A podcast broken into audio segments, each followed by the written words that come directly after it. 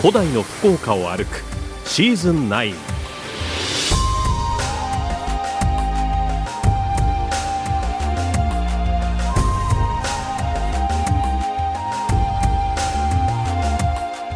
遥かな昔海の道からそして陸路を通じて福岡にはさまざまな文化が入ってきました。その足跡を訪ねる古代の福岡を歩くシーズン9この番組は宮山市の企画協賛餃子の山八道の駅宗像草と共に生きるオーレックの提供でお送りいたします。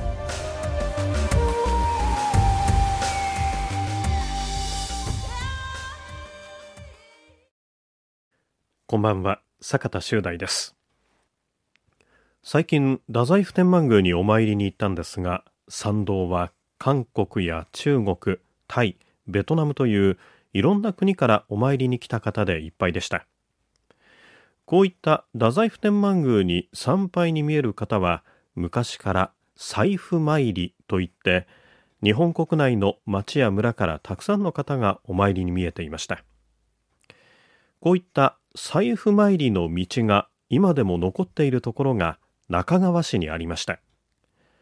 そこで今週は中川市に残る財布参りの道を歩いてみようと思います。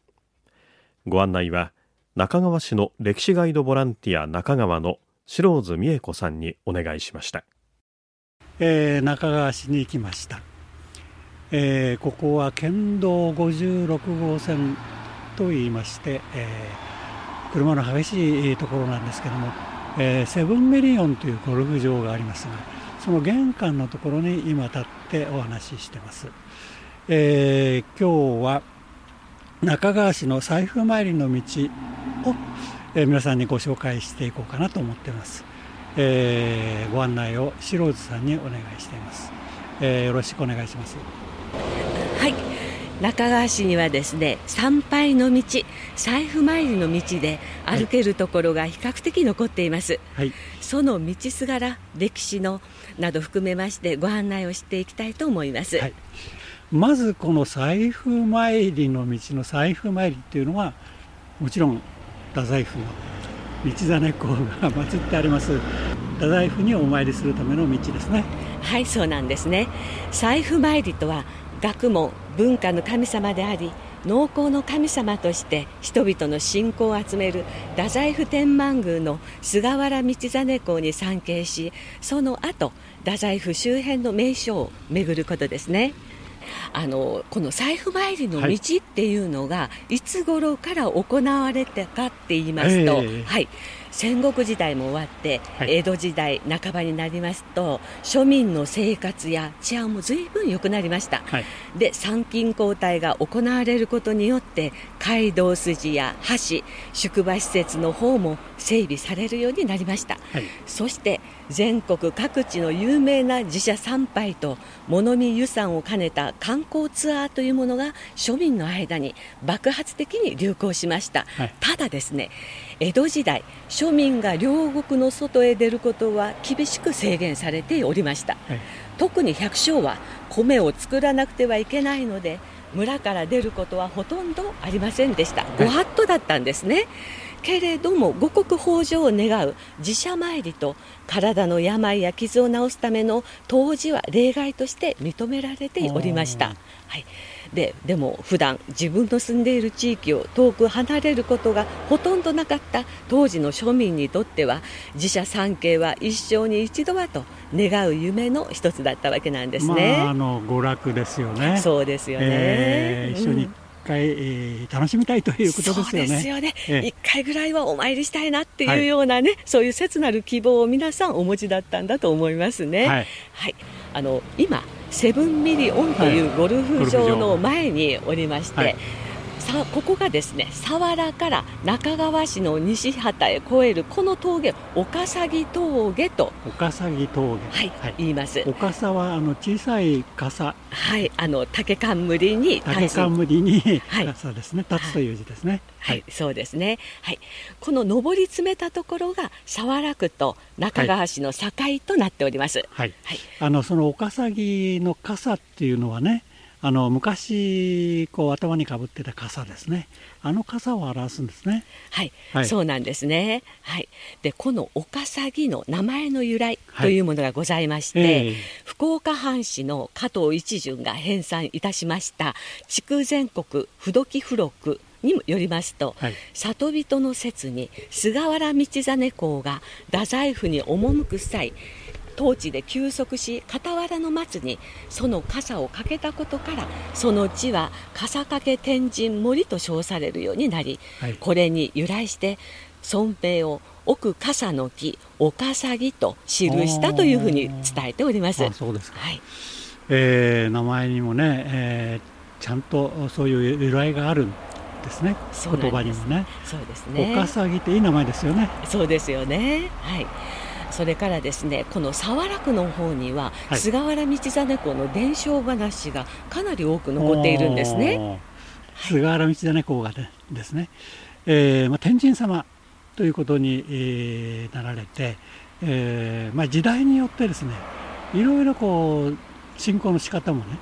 変わってきたんじゃないかと思うんですけどその辺どうですか？はいそうなんですね。あの道真公が九州の方に流されましたのが901年になります、はい、そして、えー、太宰府政庁の近くに今は榎木社というのが祀られておりますが、えーはい、そこの方で、まあ、2年ほど幽閉されまして亡くなられるわけなんですね、はい、亡くなられた後に今日の都ではもうやたらめったりか、ま、雷がなったそうなんですよ。はいうん、で獅神殿にも雷が落ちまして、はい、道真公を無実の罪なのに、はい、まあ、そういう謀反を起こしたという罪をかぶせた人たちが雷に打たれて多く亡くなったそうなんですよ。そこから、はい、あの貴族の人たちは雷が鳴るとすごく怖がったんですが、当時はですね平安時代95%が農民なんですね。はい、であの農民たちは神様が鳴ったら雷っていう漢字を思い浮かべます、うん、雨に田んぼと書きますよね、はいえ。ー、神様が鳴っているあ雷様だ。あ田んぼに雨が降るよ、うん、ということで非常に喜んだそうなんです、はい、はい、そして稲妻っていうのがありますよね、えー、あれは稲稲の妻と。稲の妻と書きます、はい、はい、で稲妻が鳴った年にはお米が豊作になるよということで農民たち一般庶民の人たちにとったら雷様っていうのは雨をもたらせてくれる恵みの神様であったわけなんですね、はい、はい、だから、まあ、当時は農耕の神様として、うん、うん、あの天神信仰というのは日本国中に広がっていたということです。はい、はいうん、でこれがもし貴族の神様だったらここまで天神信仰は広がらなかったと思われますね、はい、それからまあやっぱりあの道真公というのは非常に優秀な方でありました、うん、でその例えばそうですね鎌倉時代は正直の神としても祀られ正直の神、はい、ご自身がもうそれこそ嘘をつかれて、うん、こんなふうに無実の罪をかぶせられてこちらの方に流された、うん、だから、まあ、正直になんか行きましょうねみたいな感じ、はい、それから室町時代とかなりますとだんだんとレンガの神様であったり今度は教養、ね、文化の方の神様として祀られるようになってまいりました。学問の神様。はい、はい、あそしてその学問の神様なんですが、はい、あの学問の神様と祀られるようになったのは江戸中期になるようです。あそうですか、はい、あの江戸中期になりますと武士の子供っていうのは藩校、うん、その藩の学校に通いますね。えー。はい、であの一般庶民やっぱり戦国時代が終わって平和になると、読み書きそろばんが必要となってくるわけなんです、はい、でその読み書きそろばんを学ぶためにもお勉強しなくてはいけない、えー、そこで庶民が自主的に立ち上げたのが寺子屋になるわけです。ですね、はい、で寺子屋を立ち上げまして、うん、じゃあ学問の神様は誰にしようということで、うん、万丈一致で菅原道真公でしょう、うん、っていうことになったんですね、うん、ですから25日この日は菅原道真公のご縁日というふうに言われています、はい、道真公がお生まれになったのが845年の6月の25日、亡くなられたのが903年の2月の25日、うん、25日ですね、はい、で25日はご縁日だっていうことで、うんはい、その月に1回はですね道真公のお軸を飾ったり近くの天神社の方にお参りに行ったりして、はい、学問の向上を願ったということですね。はい、まあ、そういうふうにあの時代によって天神様の信仰というのも少し変わってきたえー、それがずっと今も続いているというようなことでしょうね。そうですね。そしてやっぱりもうなんて言いますか天神様って言ったらオールマイティの神様なんで、はいはい、もう何でもお願いを聞いてくださる。そしてご利益っていうのが必ずある、うん。うん、そしてやっぱりもう農村はやっぱり天神様って言ったら天の神様、ね、はい、はい。はい、ですのでそういうのを多く祀ってありましてこの早良区の方に、まあ、多く残っているのをいくつか取り上げてみますと、うん早良区にあります追松神社は菅原道真公が今宮神社に参拝したことから起源を持ちます、はい、早良区役所入部出張所の裏に菅原道真公が太宰府への左遷途中に手を清めたと言い伝えのある松金の井がありますこの井戸の水は昭和初期まで飲料水や酒造りに利用されていました、はい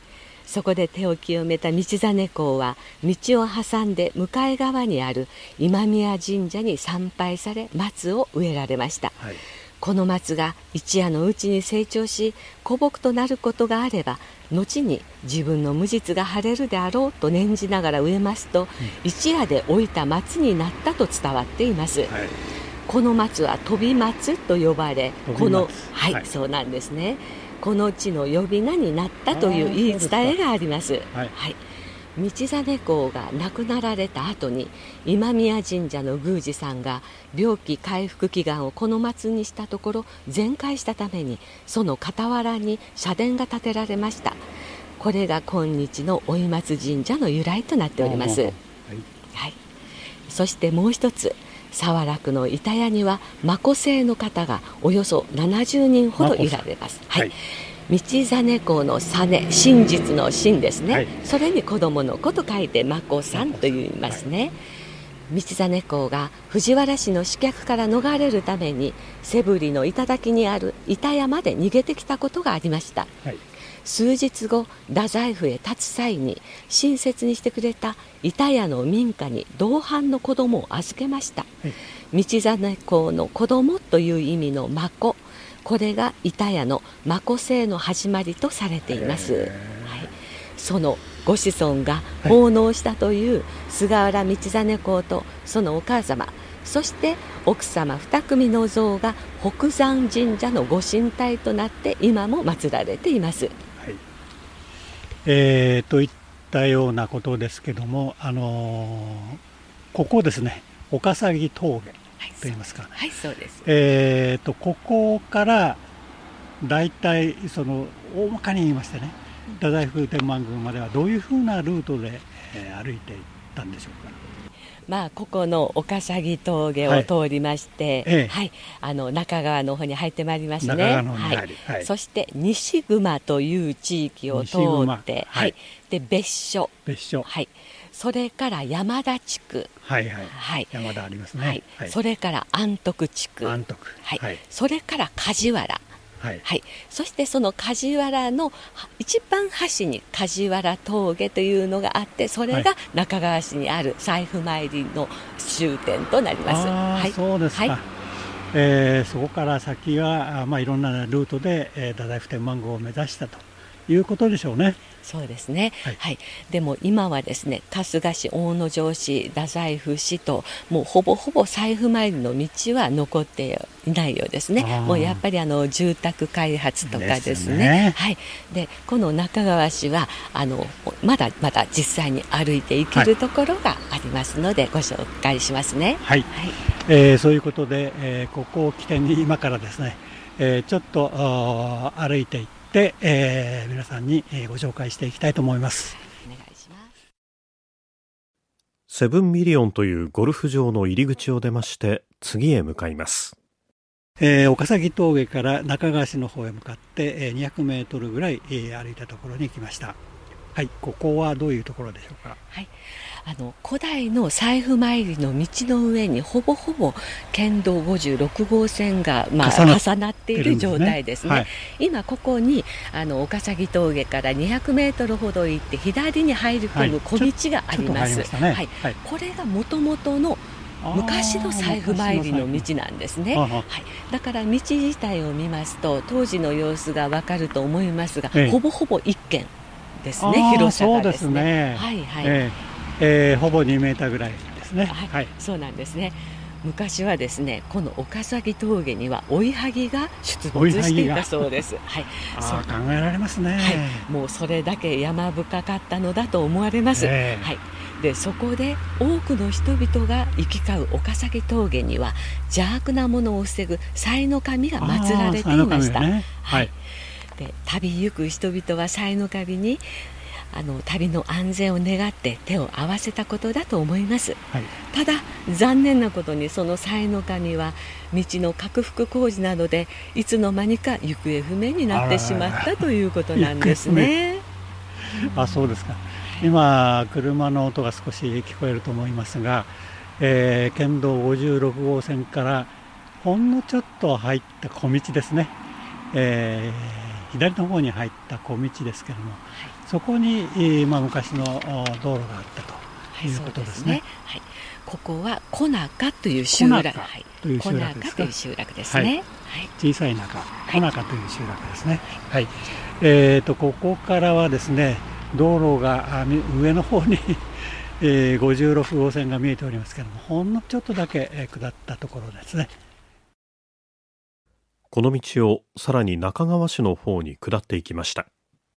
えー、少し中川市の方へ、えー、下ってきました、えーまあ、4 5 0 0メーター来たかなというところですけれども、えー、ここは西畑というですね。はい、はい、そうですね。はい、西畑公民館というまあ交差点なんですが、はい、三サロになっております。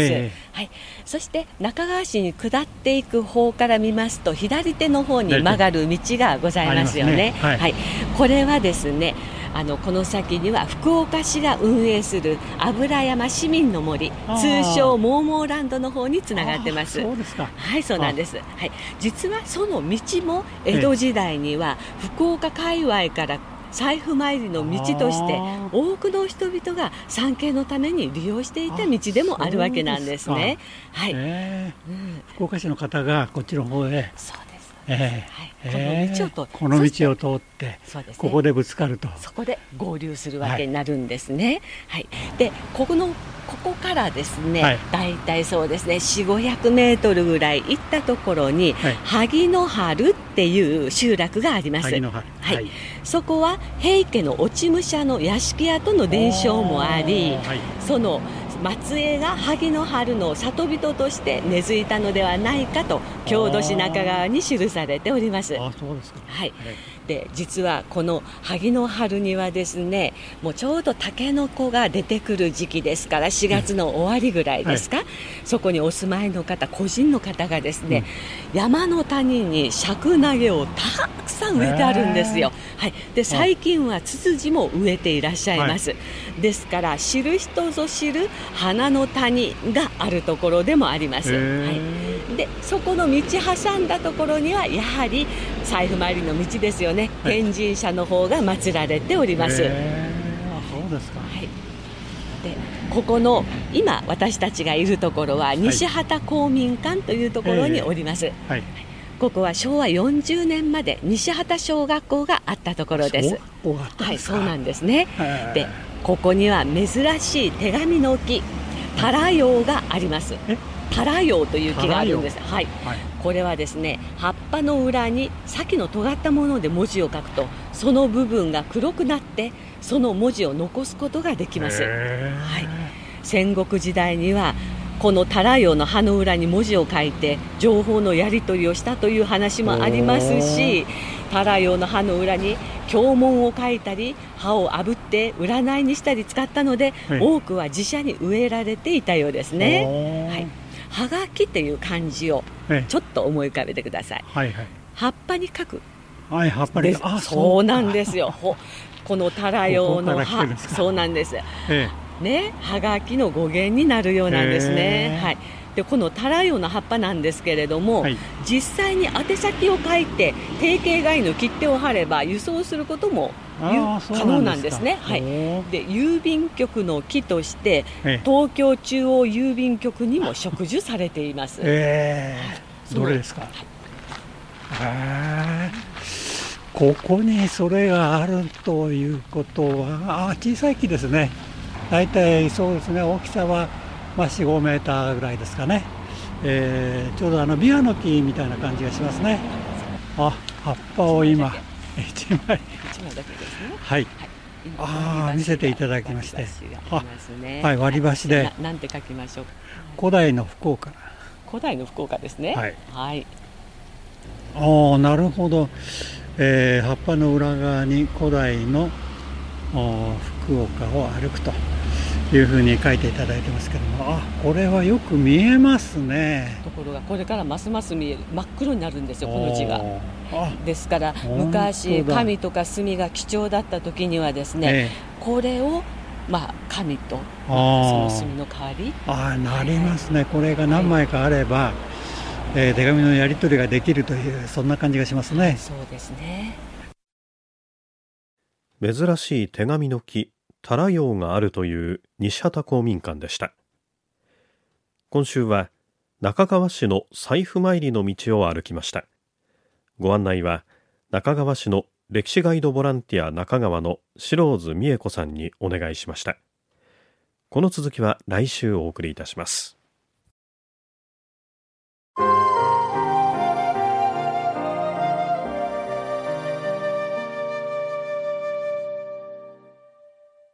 ここで古代の福岡を歩くリポーターの中島理恵さんです。こんばんは。こんばんは今日は2週間前のこの時間にご紹介したモナカの糸の鏡が買えるよっていう本屋さん、ああそうでしたね、ええ。本屋さんで買えるって言ってましたごね紹介しようと思います。面白い名前なんですね。糸島の顔が見える本屋さんっていうのが店の名前。えー顔が見える本屋さん。はい、えー前原商店街にあるんですが元洋服屋さんだったところをリノベーションして本屋さんにしました。壁一面に一区画30センチほどの立方体がバババババッと並んでる本棚があるお店なんです、えこの立方体がおよそ100あるんですね、えはい。でこの一枠が一人もしくは一グループでオーナーになってるんです。オーナー制なんですね。その通り。だから並べる本も並べ方もオーナーさんの自由なんです。あじゃあその四角い空間は自分だけの本屋さん。そんな感覚ですね。その通りです。私の本棚がそのままお店になってるって感じなんですね、ええ面白いですね。だから絵本もあれば小説もあるし歴史書もあるしお料理の本もあったりと。さらに古本もあれば新品もあったり新刊本もあったりあと自費出版のものもあったりするわけなんですよ。うんでこの100人分のオーナーさんの本屋さんの集合体今の本型え本棚シェア型本屋とかブックマンションなんていう言い方をされることもあるそうなんですがこの糸島の顔が見える本屋さんお店の店番はこのオーナーさんたちが日替わりで担当してるんです。う面白いでしょ？うこの運営をしている株式会社マンマの中村真紀さんにこの糸島の顔が見える本屋さんって名前を使ったつけた理由を聞いてきました。本棚って結構その人のキャラクターっていうかパーソナリティが出るものかなと思っていてで実際本当に皆さんこう本当に好きな方ってこうお客さんでもすごい時間かけて一個一個見ていく本好きな方そうすると同じ本もあるんですけどこのこの中にあるこの本っていうこの人のやっぱりなんか顔が見えるっていうかこんな人なんじゃないかとか棚のファンの人とかもいるんですよね。知らないんだけどこの人のこうセレクションがすごい好きだからこの人が勧めるんなら読んだことないけど読んでみようかみたいななんかそういうことで顔を想像しながらオーナーさんの顔が見える本本を通じてみたいなそういう意味で。なるほどね、うん、面白いですね。だから自己表現の場であったり推し活の場でもあったりするわけですよ。うんうんでオーナーさん学生さんから高齢の方までいろいろいらっしゃるんですがこの本棚の場所は4ヶ月に1回場所替えが行われます。あそ。れは公平でいいですね。ね。うん、中にはこんな面白いオーナーさんもいるんですよ。で糸島高校の14回生で多分70代半ばぐらいの方たちが同窓会的にここはだからみんなで1人っていうよりはこの14回生の人の出したい本が。でなんか毎月14日に、まあ、ここお店版も交代でやっていただいてるので本棚オーナーさんに。毎月14日はいとこ14回生の日みたいな感じで あのプチ同窓会をでほら同窓会って普通なんかレストラン予約したり出血取ったりしなきゃいけなくて面倒くさいんですけどここは14日に暇な人が来ればいいってことでとても気に入ってますっていうふうに感謝されて。横のつながりが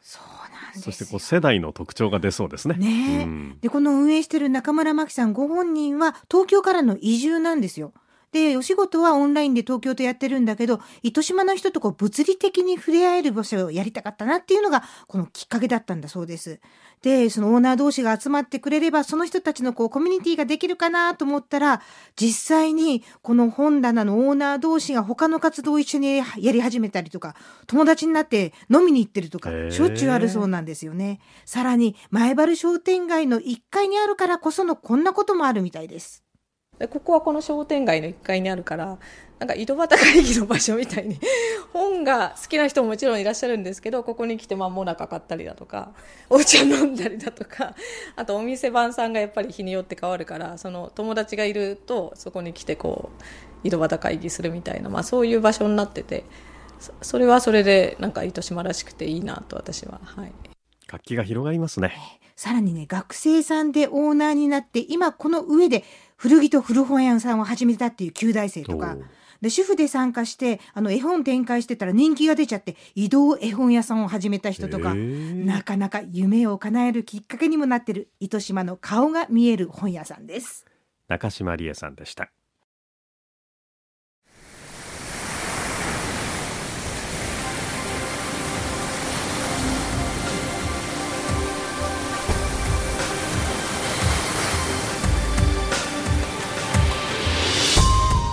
お知らせです。ホームページのご案内です。これまでの放送内容と番組を1回目からじっくり楽しむことができます。RKB ラジオのホームページの古代の福岡を歩くシーズン9のバナーをクリックしてください。またラジオクラウドという無料アプリをダウンロードすればスマートフォンやタブレットでもお楽しみいただけます。この番組は宮間市の企画協賛餃子の山八。道の駅宗方草と共に生きるオーレックの提供でお送りいたしました。ご案内は坂田修大でした。